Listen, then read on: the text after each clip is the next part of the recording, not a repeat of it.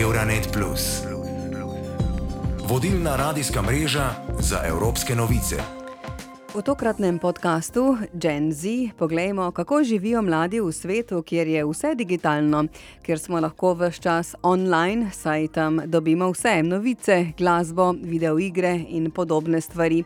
Tudi cene podatkov so se že močno znižale, mladi nedvomno odraščajo v digitalnem svetu, svoj prosti čas preživljajo s telefoni, kjer brskajo in izbirajo med aplikacijami TikTok, Snapchat ter Instagram. Ta svet je pravzaprav njihova družbena realnost, ki je gosto in povsod prepletena z digitalnimi tehnologijami ter digitalnimi mediji, in to zagotovo igra vlogo pri tem, kako mladi odraščajo. Na fakulteti za družbene vede in pedagoški fakulteti v Ljubljani poteka raziskovalni projekt Medijski repertoari mladih, socialni, politični in kulturni aspekti digitaliziranega vsakdana. Njegov cilj pa je oblikovanje tipologije medijske potrošnje in medijskih preferenc med mladimi. Vodja te raziskave je profesorica Tanja Oblak Črnič.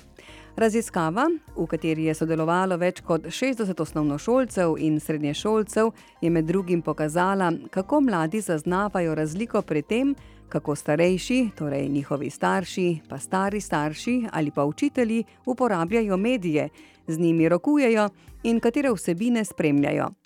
Asistentka na FDV, raziskovalka in ustanoviteljica zavoda Vsak, Katja K. Ošljak.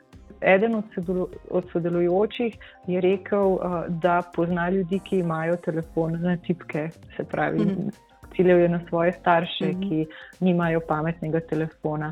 Ena od udeleženk je recimo rekla, da ima njena babica stenski telefon, ne? se pravi, mhm. stacionarni mm -hmm. telefon, ki je pritrjen uh, na steno. Uh, tako da uh, v bistvu reflektirajo to, da so drugi okrog njih. Uh, dosti krat je to povezano z, z starostjo, ne, ki mm. drugače uporabljajo tehnologije. Recimo, pogosto pravijo, da sami veliko bolje poznajo tehnologije, da so veliko spretnejši s telefoni ali pa računalnikom kot njihovi stari starši. Nekateri so spretnejši od svojih staršev.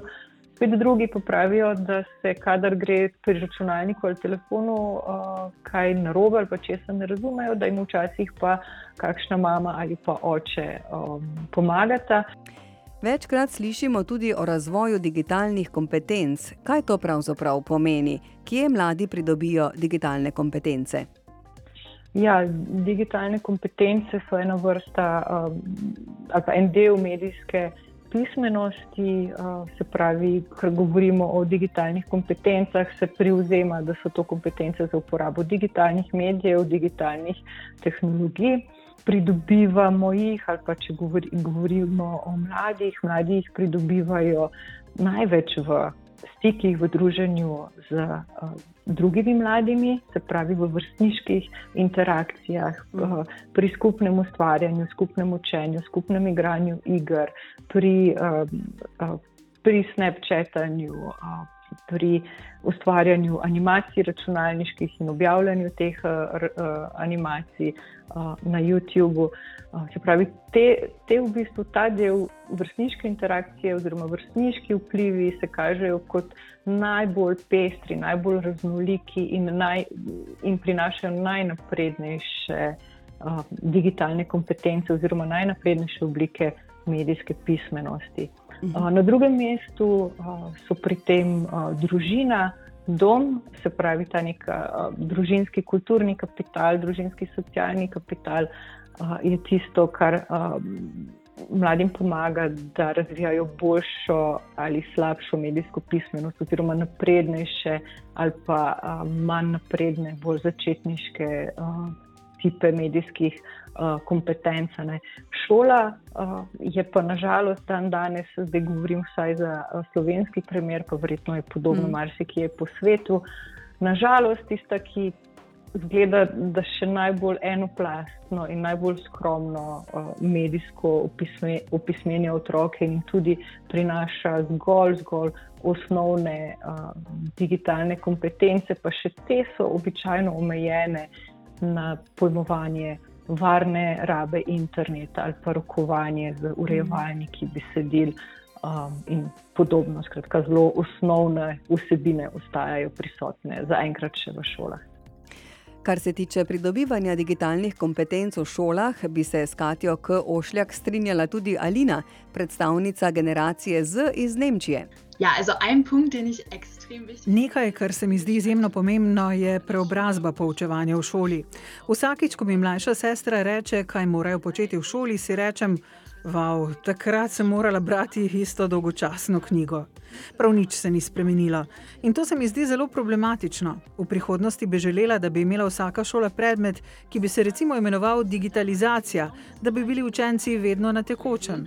und es hat sich einfach überhaupt nichts geändert. Bolgarska študentka Anelina je za bolgarski nacionalni radio BNR kot predstavnica Gen Z povedala, kje še vendarle uporablja zvezke in pisala. Lično, njamom... Osebno nimam skoraj nobene povezave s peresom in papirjem. Vse pišem v računalnik, vse je v datotekah, vse je digitalno, vključno s tem, kar trenutno berem. O ne, vse moje knjige za univerzo so na papirju, sovražim to, vendar se ne morem učiti iz njih, če so v mojem računalniku ali na pametnem telefonu. Morajo biti na papirju, da lahko počrtavam ali pišem opombe. Tako mi je veliko lažje.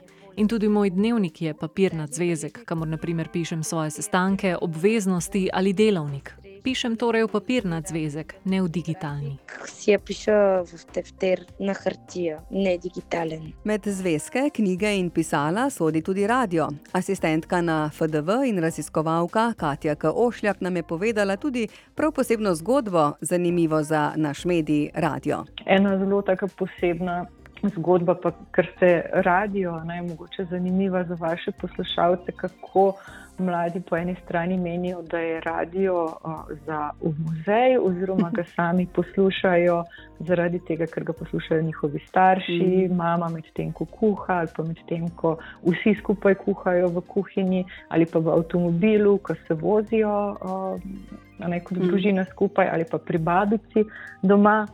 Medtem ko pa sami zares veliko krat posegajo oziroma iščejo vsebine, kot so glasba, kot so novice uh, o športu, uh, kot so različni podcasti. Ne? Torej, neke vsebine, ki so zelo sorodne radijskim ali pa so radijske vsebine, ampak jih sami ne prepoznavajo kot radio, ker radio nekako še vedno povezuje s to napravo, ki stoji v kuhinji na neki polici. Mladi torej radijskih vsebin ne povezujejo z digitalno tehnologijo, saj tudi glasbo in novice dobijo na družbenih omrežjih. Vendar Joakim iz Polske opozarja, da je mladim v njegovi državi vseeno, če so med novicami, ki jih dobijo na Facebooku ali Twitterju, tudi lažne. Also 40 Moja generacija, torej 40, plus, še vedno živi v prepričanju, da so tiskane novice zanesljivejše, še posebej tiskani mediji. So ti relikt preteklosti? Mladi se informirajo na spletu in obstaja nevarnost, da naletijo na lažne novice. Te pa se na to posredujejo v velikem obsegu, zlasti v družbenih medijih, kjer dobijo dnevne informacije. Facebook in Twitter sta na polskem glavna vira novic za generacijo Z. Mladim je popolnoma vseeno, če so med njimi lažne prijave. die jungen Menschen überhaupt nicht. Digitalizacija in tehnologija sta danes postali del vsakdanjika mnogih in sta prisotni skoraj v vseh življenjskih področjih. Vsaka mlada oseba je nekako povezana z digitalno kulturo, ne glede na kakšen način uporablja digitalne medije, bodi si aktivno, bodi si pasivno. Vse medijske kulture mladih so torej zelo raznolike in vse so povezane s tako imenovano medijsko pismenostjo oziroma digitalno pismenostjo mladih.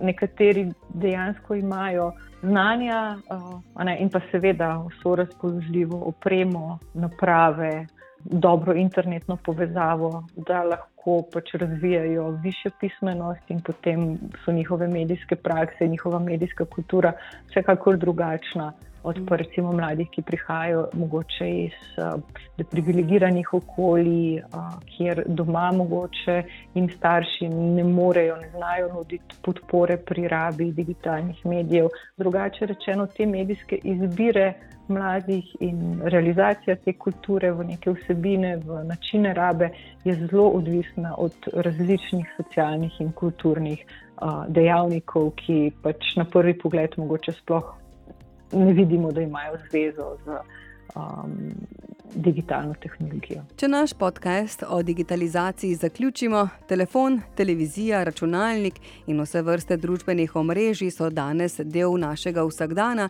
brez njih si življenja skoraj ne moremo več zamisliti. V času šolanja nadaljavo pa je digitalni svet postal še kako pomemben in nujen, s tem se je povečal tudi čas, ki ga mladi preživijo na spletu.